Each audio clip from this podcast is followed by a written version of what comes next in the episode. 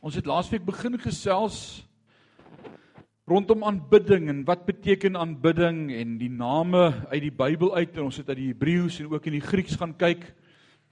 Sommige net name van aanbidding en wat dit beteken vir ons om ons bietjie te help om te guide om vir God met vryheid te kan aanbid en hom te kan grootmaak en hom te kan loof. En die van julle wat laasweek hier was, wie kan getuig dat dit vir jou iets beteken het om te weet wat beteken dit om God net te kan aanbid?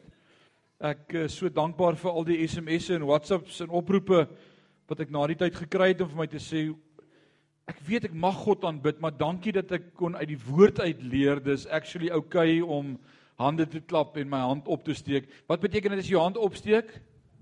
Ja, da, né? Nee, dis mos wat dit beteken. Ja, da. Hebreëse woord wat sê hef jou hande op, maak God groot, klap met die hande, juig voor God, spring voor God, dans voor God. Hallel, hallel Jahweh. Ek roem en ek spog met my God as die awesome God. Uh ons het oor Tamar gepraat. So pragtig hierdie week toe toe Rousseau vir my laat weet ek het 'n nuwe kitaar gekoop sodat ek saam met julle kan zamar Sondag, né? Zamar. Uh en dis awesome. Nog iemand het vir my gesê hy wil saam met ons zamar. Beautiful. Dis dis vir my mooi as as ek sien jy het geluister wat beteken lof en aanbidding. Nou ons moet oppas dat lof en aanbidding nie net 'n uiterlike vertoon word nie. Dat dit nie net 'n ritueel of 'n gebruik of 'n tradisie word nie, soos wat dit so maklik in soveel kerke ook word. In soveel kerke as jy daar besoek sal jy sien dat daar's 'n 'n tendens en 'n tradisie of 'n gebruik en dis dalk 'n mooi gebruik om om saam te klap met die hande en hy hande op te hef en God groot te maak, maar as jy daar uitstap en daardie persone se lewe sou dophou, sou jy merk dat daardie persone se lewe onveranderd is.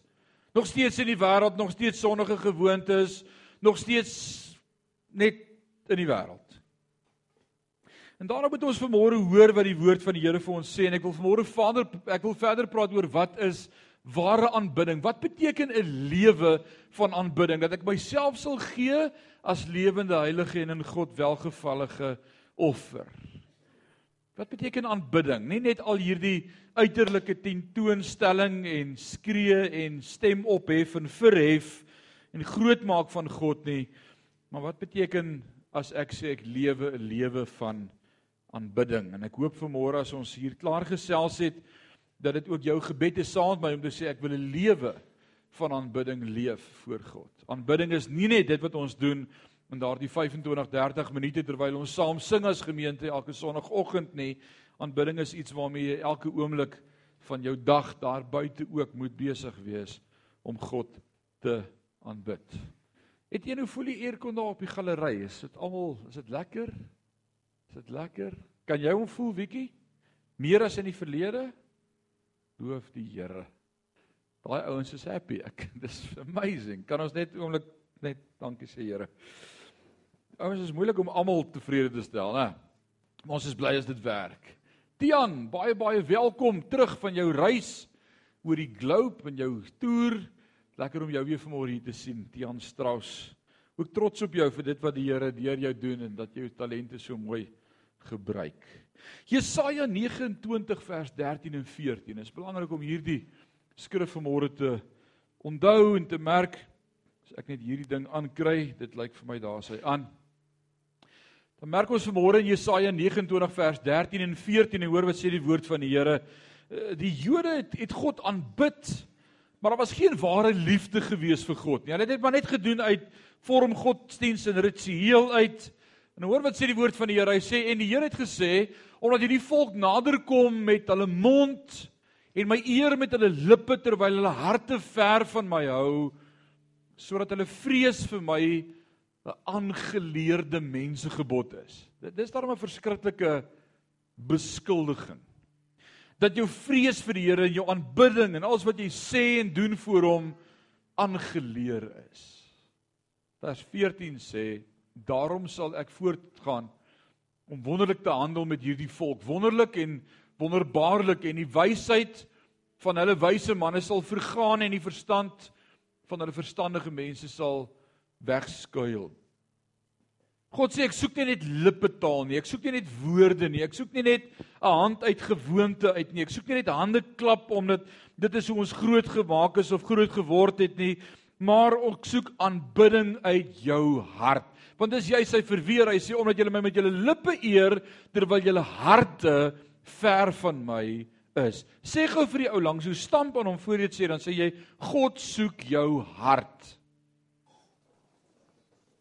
Party mis elke keer hierdie geleentheid om jou man so stamp in sy ribbes te gee. God soek jou hart. Ons leef in 'n dag en 'n tyd waar dit so maklik is met ons lippe goed te sê. Ons praat so maklik. Partykeer wanneer wanneer ons dis dis so mooi as jy begin mense dophou, veral as jy op 'n plek sit en net stil sit en mense beweeg om jou en jy sien hoe mense met mekaar omgaan en en, en so effens iets van skynheiligheid van mense. Ek weet julle weet nou niks daarvan nie. Maar dis vir my so interessant. Ek sal voorbeeld in die hoompie sit en net sommer mense dophou. Ek en my koffie, net ons twee en ons hou sommer 'n vergadering en en dan sal ek mense sien inkom en dan uh dan merk hulle ander mense in die hoompie dan sê soos goeiemôre, gaan dit goed? En dan is as hulle verbyloop met julle gesig sien is soos Hey, julle weet glad nie waarvan ek praat nie. Okay. Jou gesig sê heeltemal iets anders as jou taal. En dan dink ek dis dis so amper iets van wat God hier vir sy volk sê is om te sê julle julle eer my met julle monde. Julle staan Sondag dalk in die kerk en hef hande op en sê here I am to worship, here I am to bow down and to say that you my God and is so awesome en dit klink so nice en is lekker om dit te bely, maar as jy hier uitstap, is God nog steeds God van jou lewe? Is hy nog steeds in beheer van jou lewe? Is jy nog steeds onder sy submissie? Is jy nog steeds bewus daarvan dat hy met jou is? Dis dis 'n vraag. Kyk wat gebeur in Levitikus 10 vanaf vers 1 tot 3. En hierdie dis eintlik 'n awesome gedeelte wat ons leer uit die geskiedenis uit van Aaron en sy seuns Nadab en Abihu. En hoor wat gebeur in hierdie gedeelte vers 1 tot 3 verduidelik dit nogal heel goed. Hy sê en die seuns van Aaron, Nadab en Abihu, het elkeen sy vuurpan geneem en vuur daarin gegooi en reetwerk daarop gesit en vreemde vuur voor die aangesig van die Here gebring wat hy hulle nie beveel het nie. Daarop het daar 'n vuur van die aangesig van die Here uitgegaan en hulle verteer en hulle het gesterwe voor die aangesig van die Here. Toe sê Moses vir Aaron: Dit is dit wat die Here gespreek het deur te sê: In die wat naby my is, wil ek my as die heilige laat ken. En voor die oë van die hele volk wil ek my verheerlik. Maar Aaron het stil gebly. Wat gebeur hier in hierdie stuk geskiedenis? Dis eintlik so pragtig. Hierdie twee seuns van Aaron het 'n begeerte in hulle harte gehad om ook diens te doen in die tempel. Hulle wil ook die vuurpanne inbring met die wierook voor die troon van die Here. Hulle wil ook bedien. Hulle wil dalk ook gesien word, maar hulle hart en hulle opinie en motief is verkeerd. Hulle wou dit doen om deur die mense gesien te word en sê, "Was dit nie beautiful daai twee priesters wat Sondag ingestap het met daai wierook nie?" Want toe besluit hulle, "Kom ons vat vir ons elkeen 'n vuurpan en ons bring vuur voor die Here." Maar weet jy wat? God sê ek het nooit gevra vir dit nie jou motief van jou hart was verkeerd. Dit was dalk om gesien te word deur mense. En kyk wat gebeur. Hulle sterf. God sê dis nie dis nie wat ek vra nie. Dis nie 'n aanbidding wat ek nodig het. Jy nou wat is die aanbidding van die woord van die Here wat God wil hê ek en jy moet vir hom bring? Waar vind ons dit? Kom ons gaan na die Nuwe Testament toe en ons blaai na Johannes hoofstuk 4 en dis dis so pragtig. Jesus praat self, hy praat met die vrou by die put en wat sê hy vir hierdie vrou? Hy praat met haar rondom aanbidding en hy sê vir haar dan vers 3 en 24, hy sê: "Maar daar kom 'n uur." Sy vra: "Waar moet ons aanbid? Moet ons hier aanbid of moet ons op die berg aanbid of moet ons in Jerusalem by die tempel aanbid? Maak dit saak waar ons aanbid? Hoe moet ons aanbid? Ons is ons is nie uh, Jode nie, ons is Wat 'n vrou was sy gewees, 'n uh?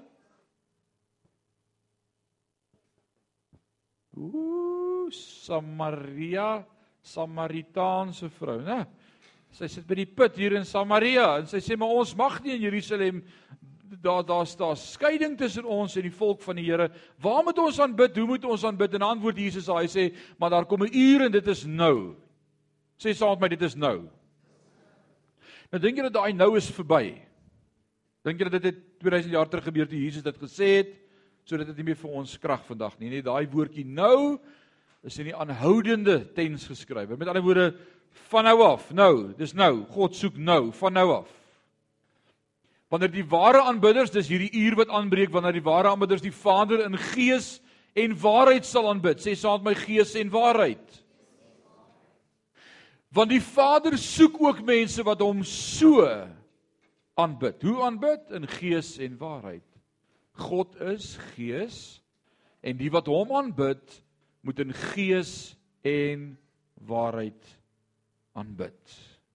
Jesus praat met die vrou hier by die put en hy gee vir haar volledige beskrywing van aanbidding om God aanvaarbaar te aanbid beteken in gees en waarheid is nodig. Twee goed wat moet wees in my lewe: gees en waarheid. Nou sê gou vir my, wanneer ontvang ek God se gees in my lewe? Wat sê julle? Andrei, wat het jy gesê?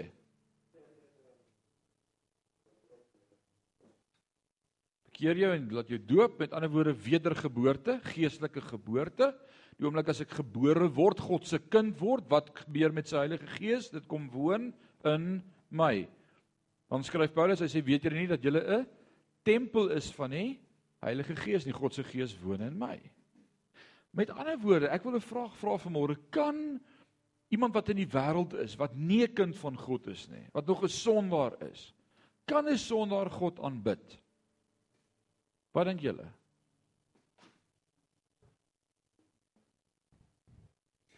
Ek dink nie 'n sondaar kan God aanbid nie. Waarvoor moet hy God aanbid? Hy's nie 'n kind van God nie. Hy kan nie vir hom sê Abba Vader nie want hy is nie sy vader nie. So wat moet eers gebeur in iemand se lewe? Hy moet tot bekering kom. Hy moet wedergeboorte beleef. Hy moet sy hart vir die Here gee. So dis die eerste vereiste en dis wat ons begin het mee vandag in Jesaja 29 wat sê julle julle eer my met julle lippe maar julle harte is ver van my af. Is dit nie besnydenis van die hart nie? Is dit nie wedergeboorte nie? Wanneer God my hart nuut maak, my hart van klip uithaal en my hart van vlees gee. God in my hart kom woon, my tempel maak hier by my. So my lewe verander. So wie so wie is die ouens wat God aanbid? Die ouens wat geestelik wedergebore is, ouens wat God se kinders is. Ouens wat kinders geword het van God. Maar wat moet saam met dit gaan? Want baie van ons is geestelik, maar ons het nie waarheid in ons lewe nie. Wat is die waarheid? Hier is die waarheid. So as iemand God aanbid, dan is dit iemand wat wedergebore is en iemand wat in die woord is. Hier is die waarheid. Iemand wat die woord glo, iemand wat in die woord wandel, iemand wat sê wat die woord sê, homo logio. Ek sê dieselfde as die woord van God. Dan kan jy God aanbid in gees en in waarheid. Eerste behels dit geestelike aanbidding. Geestelike aanbidding. Vers 24 het gesê God is gees en die wat hom aanbid moet dit in gees doen en daarom moet God se aanbidding geestelik wees en in ooreenstemming met sy natuur. So ek moet weet wat is God se natuur en waar leer ek dit? In sy woord. Ek leer in sy woord hy's 'n liefdevolle Vader. So as ek hom aanbid kan ek sê Here, dankie dat U 'n liefdevolle Vader is. Dankie dat U voorsien. Dankie dat U antwoord. Dankie dat U sorg vir ons. Dankie dat U woord sê ek hoef my nie te bekommer oor die dag van môre of wat ons sal eet of dis nou vir die vrouens daai aantrek nie, né? Nee. Ons soek God se woord. Alraight. Nou kyk wat leer die woord van die Here vir ons in Romeine 12 vers 1. Ek het dit net nou gekwote. Hy sê ek vermaan julle dan broeders Paulus is aan die woord hy skryf van die gemeente in Rome. Hy sê ek vermaan julle dan broeders by die ontferming van God dat julle julle liggame stel as 'n lewende, heilige en aan God welgevallige offer.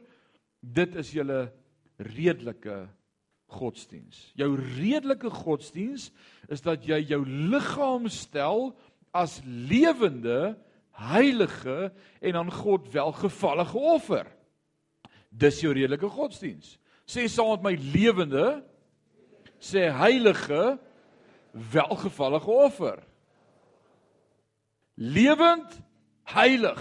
Nou dink gou saam met my in in in in die Ou Testament as ons daar sou rondblaai en en na die gebruike van Judaïsme en die Jode God se volk, hoe sou hulle elke jaar geoffer het? Onthou julle een keer 'n jaar, Yom Kippur, daar met die fees, Paasfees. Wat sou gebeur het daar met die Pasag? Die hoëpriester het eenmal 'n een jaar ingegaan in die allerheiligste om voor God te offer. Hierop takkie bloed van die offer daar buite, spat dit sewe maal op die versoendeksel en hoop God is tevrede met die offer wat gebring word. Aan die begin was daar sekerlik ook 'n paar hoë priesters wat dit nie daar uit lewendig gemaak het nie, want as daar sonde in jou lewe sou wees of onbeleide sonde of leefwyse ver van God af of nie afsondering aan God nie, het jy daar gesterf in God se teenwoordigheid. En toe maak hulle 'n plan. Hulle doen twee dinge. Die eerste een is aan daardie rok wat die hoëpriester sou dra om daardie dag in te gaan, was daar onder aan daardie rok klokkies en granaatputte gewees. 'n Klokkie, 'n granaatput, 'n klokkie, 'n granaatput, 'n klokkie, 'n granaatput. Sodat as hy sou beweeg, dan sou daar 'n geklingel wees en jy sou hoor hy beweeg nog, hy lewe. En die tweede ding is hulle maak 'n tou om sy voet vas. Sodat as daardie geklingel ophou daar binne en hy dood sou neerslaan, hulle hom aan die tou kon uittrek onder deur die voorhangsel. Kan jy onthou toe Moses op die berg was? God gee vir hom die 10 gebooie, hy aanskou God in God se teenwoordigheid, praat met God, beleef God. En wat vra hy dan vir die Here? Hy sê ek wil u sien. Wat sê die Here vir hom? Jy kan my nie sien nie, anders sal jy sekerlik sterwe, maar 'n skeur in die rots. Kruip weg. En as ek verby beweeg, kan jy van agter my sien en beleef en dit sal vir jou genoeg wees. En ons weet dat net daardie van agter af God sien en beleef was so impak op sy lewe. Dit was so 'n ontmoeting met God se teenwoordigheid en 'n belewenis dat hy van weet dit, daai kontak, so geskyn het van die heerlikheid van God dat hy toe hy afkom van die berg af het die volk vir hom gevra bedek jou voorhangs maak jou net toe. Hang net iets oor jou gesig want ons jy skyn so ons kan nie in jou oë kyk van wie die heerlikheid van die Here nê. Iemand wat God net van agter af beleef het.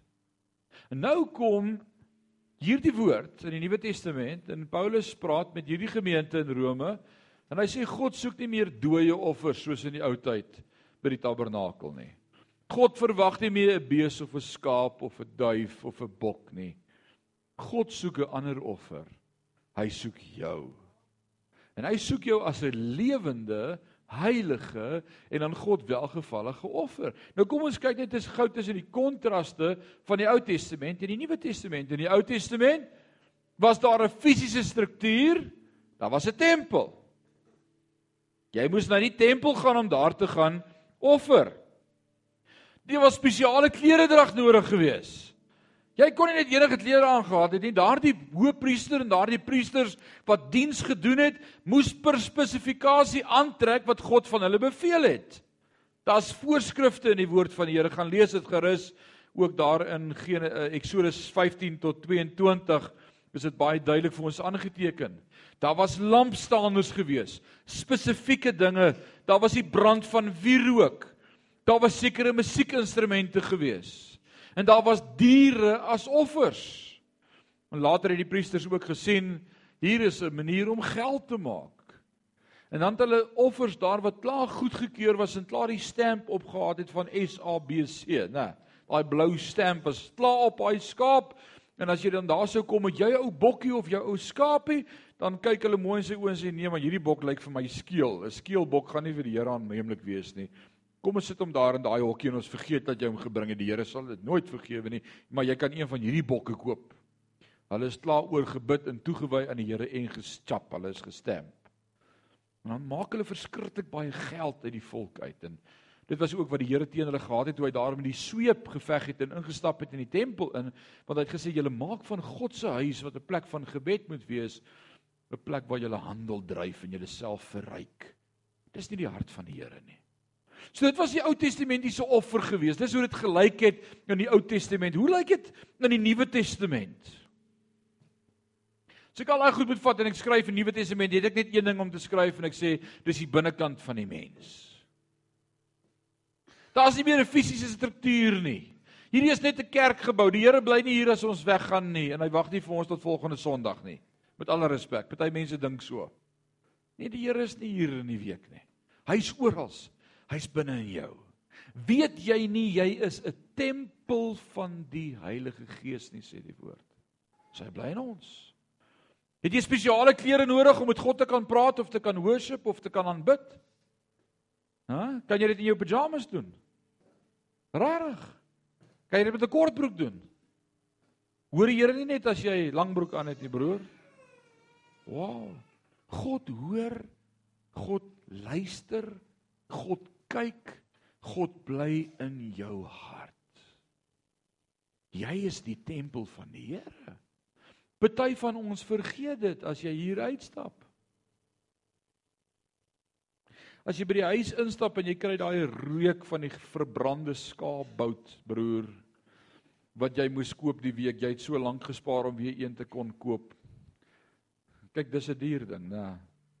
Dis nou 'n luxury deesdae, 'n skaapbout. En mamma het die oond bietjie aanvergeet en vergeet om hom af te draai voordat jy gery het. En as jy by daai deur instap en jy ryk daai verbrande skaapbout, dan vergeet jy jy's 'n tempel van die Heilige Gees. En dan daai woorde wat uitkom of dit wat jy kwyt raak of daai verwyd of daai beskuldiging of daai messteke met jou tong. Is dit aanneemlik vir die Here as 'n lofoffer? Mm -mm. Ons vergeet dit. Die manier hoe ons met ons met, met mekaar interaksie deur die week. Dit wat ons vir mekaar WhatsApp deur die week. Dit wat ons vir mekaar wys as iemand per ongeluk voor jou indraai vir deur die week. Ons vergeet ons is 'n tempel van die Heilige Gees.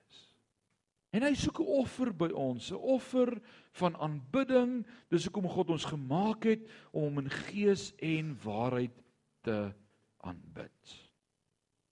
Ware aanbidding kom van die hart met 'n ware liefde vir God. Dis ware aanbidding. Ware aanbidding is nie 'n lippetaal nie, dis nie net 'n klomp woorde nie, dis nie 'n gediggie wat jy opsê nie. Dis nie rotine nie.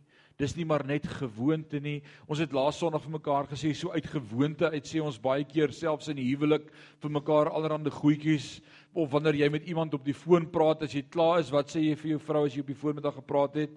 Love you, bye. Soms sê jy dit ook vir haar wanneer sy vergeet het om die kinders te gaan haal. Die kinders staan by die skool. Jy het hulle vergeet. Gaan haal hulle, ry dadelik. Love you boy. Rarig. I don't think it's true at that moment. Maar so gewoonte. Ek praat hierdie week met iemand in ons gemeenskap, eh, 'n besigheidspersoon. Ons het nie regtig nie 'n verhouding nie. En so uit gewoonte uit praat ek en sy en ek hoor gou hoe dit alles verloop en goed. En soos hy klaar sê, sê hy, "Okay, love you boy." sê sy. En, en ek begin te lag. Eileen sê, "Hoekom lag jy?" Ek sê, "Ek dink nie sy het gedink voor sy totsiens gesê het nie." Ek hoop dit is waar hè. Ek het dadelik vir my vrou vertel, dadelik. Maar soms jy jy agterkom so uit per ongeluk uit dan sal jy ook vir iemand dit sê. Dit is net so net nog nie met julle gebeur nie. Okay. Love you. Sien, dis net lippetaal. Lippetaal. En dit is maklik om dit aan te leer en deur daai rituele te gaan van wat ons als moet sê. Maar wanneer ek voor God kom en hom aanbid, wil ek vanmôre vir jou sê dis iets van die hart. Lippe kan nie vir God vertel hoe jy regtig voel nie, want God weet eintlik klaar. Want hy ken jou hart. En dan moet jy leer in jou lewe wanneer jy God aanbid, wanneer jy tyd maak vir God, wanneer jy jou stilte tyd het voor die Here, probeer soms om nie woorde te gebruik as jy met hom praat nie. Wie van julle snap dit? Probeer om soms woorde uit die ver, vergelyking uit te los. As ek voor die Here gaan sit in die sitkamer in my lazy boy en ek skop hom uit en ek sit net terug en ek somme net so wat ons vanmôre gesing het I stand amazed I stand amazed in your presence en ek net daar sit en net bewus word van God se teenwoordigheid en sy nabyheid dan kan ek nie kom met vooropgestelde idees en 'n ritueel en 'n prentjie en 'n gediggie en sê, "Ag oh, Here, ek wil net party van ons bid net uit rotine uit." Ons begin bid, dan begin ons dankie vir dit, dankie vir daai, dankie vir die, dankie vir daai, seën die, seën daai. Amen. Dis jou gebed. Ek wil jou challenge in hierdie week om bietjie anders te begin bid as wat jy gewoond is. Om net wanneer jy tyd maak vir die Here te sê, Here, kyk net na my hart vandag. Ek wil uit my hart uitkom bid vandag en vir u sê, He is awesome and he is great. He is groot en hy is verhewe. Quote woord, lees die woord, praat die woord. Dis my so pragtig van die psalms, gesang die boek Psalms is die Jode se se lofboek, is 'n aanbiddingsboek. En as jy partykeer die woorde het, jy maak die boek Psalms oop en lees net 'n psalm en sê dit vir die Here, praat met die Here. Waar aanbidding kom van die hart en ware liefde vir God en ons moet van God dink as 'n persoon, nie net as as iemand daar ver nie. Ons moenie aan hom dink as as daardie vors in die hemel wat aanbid wil word nie. God is 'n persoon. Hy hy hy's iemand wat dit wil hoor. Maar soms moet ek my visualiseer dat God voor my staan en, en nou nou probeer ek vir hom iets sê en weet jy wat dis dan anders as wanneer jy net in die wolke inbid. God is voor jou, hy's by jou, hy's met jou. En hy's altyd daar. God se tempel is geestelik wat opgemaak word deur individue Alle Christene is priesters wat geestelike offers aan God bring. En dis wat Paulus skryf, hy sê weet jy nie jy's ook 'n tempel nie. God woon in jou. Jy's ook 'n priester wat wat God aanbid. Dis nie meer soos in die Ou Testament wat net die hoëpriester God aanbid het en jy daar buite gewag en gehoop hy kom lewendig uit nie. Nee, jy's jy bring ook 'n offer voor God. En ons gebede is so soet wierook voor God se aangesig wat voor hom opgaan. Ek hoop jou gebede is ook so soet wie rook voor God se aangesig. Ons musiek vorm 'n melodie in God se hart. Die woord van die Here sê dit so mooi. Hy sê hy sê hy sê God woon onder die lofsange van sy volk met ander woorde wanneer ons God aanbid en ons God loof en ons sing tot eer van die naam van die Here, waar's God dan? Met ons. Hy tabernakel onder ons. Dis 'n pragtige woord. Hy slaan tent op by ons. Hy kom kamp by ons uit. En toe Sion vanmôre begin deur God groot te maak, weet jy wat gebeur? God kom saam met ons. Jesus is by ons en hy sê ek is hier om te ontvang die lof en die eer. Baie pragtig as jy gaan kyk in Hebreërs hoofstuk 2. Ouens, ek wil sê die ouens wat sonder aan by woordskool is, beleef net iets awesomes uit God se woord uit wat julle nie moet mis nie. Gaan lees weer daar in Hebreërs 2. Nou. Dan sê hy ek sal in die middel van hulle vergadering u naam groot maak, o Here. Jesus praat Hulle quote uit die psalms uit Jesus praat en hy sê daar gebeur iets wanneer jy met God praat en hom groot maak. Dit was vir ons so groot blessing laas Sondag aand. Om te dink wanneer ek met God praat en hom groot maak, dan kom Jesus en hy sê, "Wag, Resou, ek wil nie jy moet alleen doen nie. God is awesome. Ek weet, maar ek wil dit saam met jou doen. Here, U is daarom amazing. He's awesome." Kan jy dit dink? Baie keer voel dit vir my en vir jou ons bid alleen. Het dit al vir jou so gevoel? Maar ek bid alleen, dit voel of ek teen die dak vasbid. Ek wil vir julle sê hierdie het my gebedslewe verander hierdie week. Om te weet wanneer ek met God praat, Jesus staan by my en hy praat saam met my met God. Ek wil vir jou sê jy bid anders, hoor. Jy pas op wat jy bid. En, en daar's 'n belewenis en 'n blessing om te weet jy's nie alleen nie. God is met jou. Jesus is by jou. En op alles wat jy sê, as jy sê God is awesome, dan sê Jesus, amen. Dis my pa van wie jy praat. Natuurlik is ek by jou. It's amazing. God is groot en hy is awesome en my remote is weg. Waar's daar's hy? Kyk nou net, wie het hom van my weggesteek? Dis amazing. gees en waarheid. Ek wil sê ware aanbidding kom van die hart met ware liefde vir God en ons moet God aan hom dink as 'n persoon. Alraight. En as God sê julle kom na my toe met julle harte of met julle monde maar julle harte is ver van my af, dan beteken dit ons harte teenoor God is nie opreg nie. So God soek opregtheid. As ons God aanbid, soek hy opregtheid. Weet jy wat gebeur wanneer jy iemand is wat in die kerk hande ophef en haleluja uitskree en amen sê op die regte plek. En selfs in tale praat wanneer daar geleentheid is om God te aanbid met sy oë toe staan en die Here verheerlik. Maar daar by die huis waar jou kinders jou sien waar jou vrou jou ken is jy nie dieselfde ou as wat Sondag in die kerk was toe jy jou hande opgehef het en God groot gemaak het nê weet jy wat gebeur? Jy maak dat sulke mense nie 'n liefde het vir God nie want hulle sê ons ken ons pa en ons ken ons man. En wat Sondag gebeur is nie wat in die week gebeur nie. Dis vals.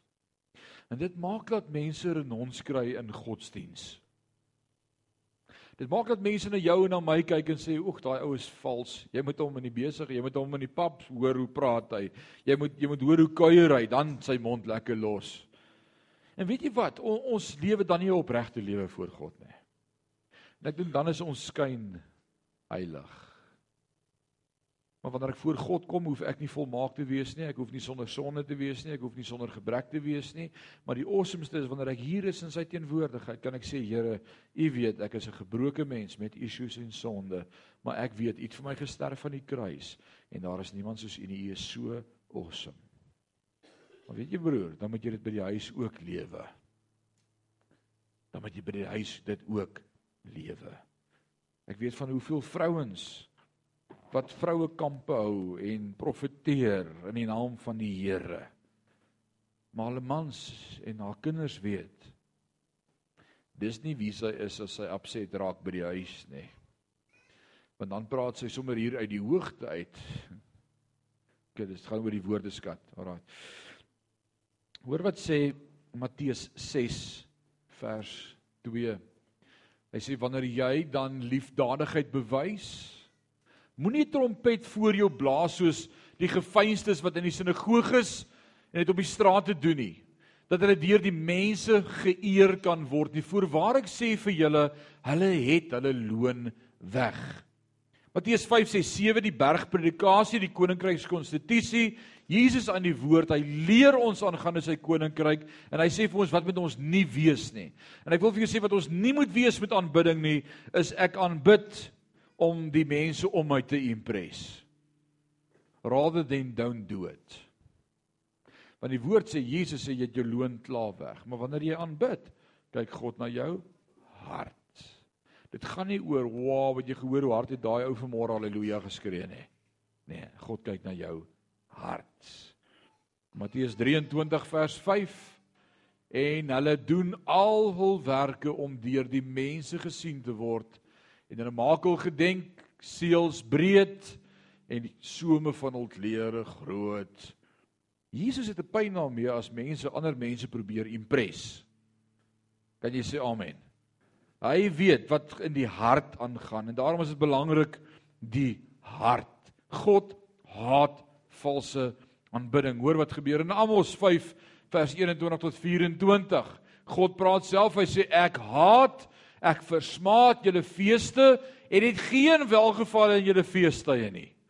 Want al bring julle vir my brandoffers saam met die spysoffers, ek het daar geen welbehae in nie. En die dankoffer van julle vetgemaakte kalwers sien ek nie met welgevalle aan nie. Verwyder van my die geraas van julle liedere en na die geluid van jou harpe wil ek nie luister nie. Maar laat die reg aanrol soos watergolwe en geregtigheid soos 'n standhoudende stroom. God soek nie net lippetaal nie. Hy soek nie net die vetgemaakte offers nie. Hy soek jou hart. God soek jou.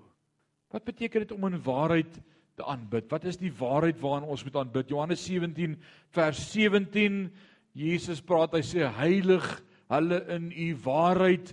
U woord is die waarheid, die woord van God. 1 Petrus 2 vers 8 sê vir die wat hulle daarteen stamp omdat hulle aan die woord oor ongehoorsaam is waaroor hulle ook bestem is waarvoor hulle ook bestem is die woord van God ek en jy moet bid ooreenstemming die woord van God ons moet aanbid volgens die woord van God en ons aanbid God ooreenstemming met sy woord Ek wil sê ware aanbidding is om God lief te hê en sy gebooie te bewaar. Hoor wat sê Matteus 15 vers 7 tot 9 gefeinstes tereg het Jesaja oor julle geprofeteer toe hy gesê het hierdie volk nader my met hulle mond. Ons het dit gelees vanmôre en eer my met hulle lippe maar hulle harte is ver van my af. Maar te vergeefs vereer hulle my deur leringe te leer wat gebooie van mense is. Oppas om net God te aanbid omdat tradisie dit van jou vereis. Omdat almal dit doen, doen ek dit ook. Nee, dis nie hoekom ons dit doen nie. Ek wil sê dit alles begin by 'n verhouding met God. Ek wil vir jou Romeine 12 weer voorhou wat sê ek vermaan jou dan broeders by die ontferming van God stel jou liggaam as lewende heilige en welgevallige offer. Moet ek dit in Engels lees? Dit sê so pragtig. I beseech thee therefore brethren by the mercies of God that ye present your bodies a living sacrifice holy acceptable unto God which is your reasonable service. Dis 'n mooi woord. So wat beteken dit as ek God aanbid? Ek doen diens vir hom, net soos 'n soos 'n priester in die Ou Testament doen ek diens vir God. Hoor wat sê Kolossense 1 vers 16, is die mooiste gedeelte hierdie. Hy sê want in hom is alle dinge geskape wat in die hemel en op die aarde is. Wat sienlik en onsienlik is, trone sowel as heerskappye en owerhede en magte, alle dinge is deur hom en tot hom geskape. Ek wil net vanmôre vra wie het alles gemaak nie, ek wil vra wie het jou gemaak? En aan wie behoort jy? Aan God, aan die Here. Meer as musiek, enige iets wat ons vir God doen, moet oor hom gaan. It's all about him. En dan wil ek afsluit deur vanmôre te sê aanbidding is nie deel van jou lewe nie. Dit is jou lewe.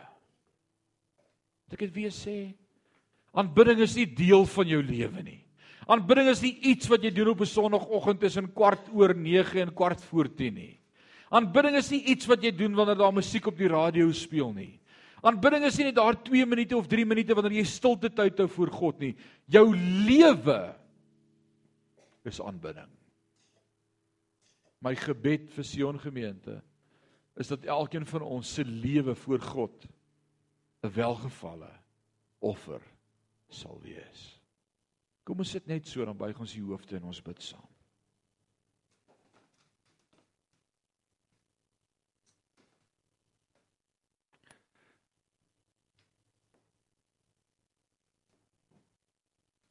When the music fades and all are stripped away and I simply come longing just to bring something that's of worth that will bless your heart. I bring you more than a song, for a song in itself is not what you have desired.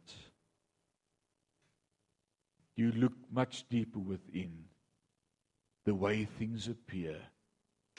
You're looking into my heart. And I'm coming back to the heart of worship. It's all about you.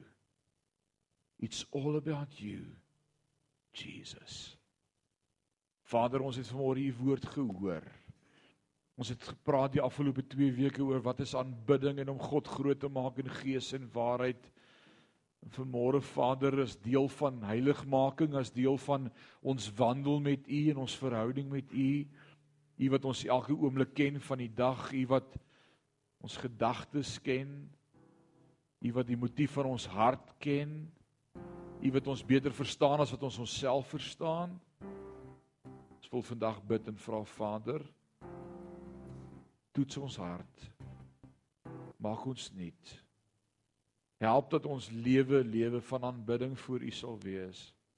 Elke oomblik in opregtheid, nie voorgee of gefeins nie. Maar dat ons net kom en vir U sê daar is niemand soos U nie. U is awesome. U is great. U alleen is God. So ons self in hierdie dag aanspreek en sê Vader help ons om in hierdie week wat voorlê, maar nie net die week nie, in die res van ons lewe 'n bewustheid te hê dat God by ons is. Bewustheid te hê dat God met sy nabyheid elke oomblik van elke dag naby ons is. Jy soek mense wat in gees en waarheid aanbid. En ek wil bid vir Sion vanmôre Vader. Ek wil bid dat Sion gemeente 'n plek sal wees waar God in gees en waarheid aanbid word. Waar die teenwoordigheid van die Here beleef mag word want u woon onder die lofsange van die volk en waar terwyl daar gesing word en God aanbid word en God vereer word lewens verander mag word. Siekes gesond gemaak mag word.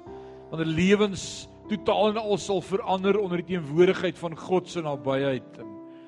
As ons uitroep na u Vader begin by my dat dit nie net lippetaal sal wees as ek U groot maak nie. Maar U weet dit kom uit my hart uit en opregtheid. U is 'n groot en 'n ewige wonderlike God. Daar is niemand soos U nie. Word verheerlik in en deur ons in hierdie week is my gebed in Jesus naam. En sê ons sê amen en amen. Woordskool vanaand 6uur Hebreërs hoofstuk 3. Die Here seën julle mag julle 'n awesome dag hê.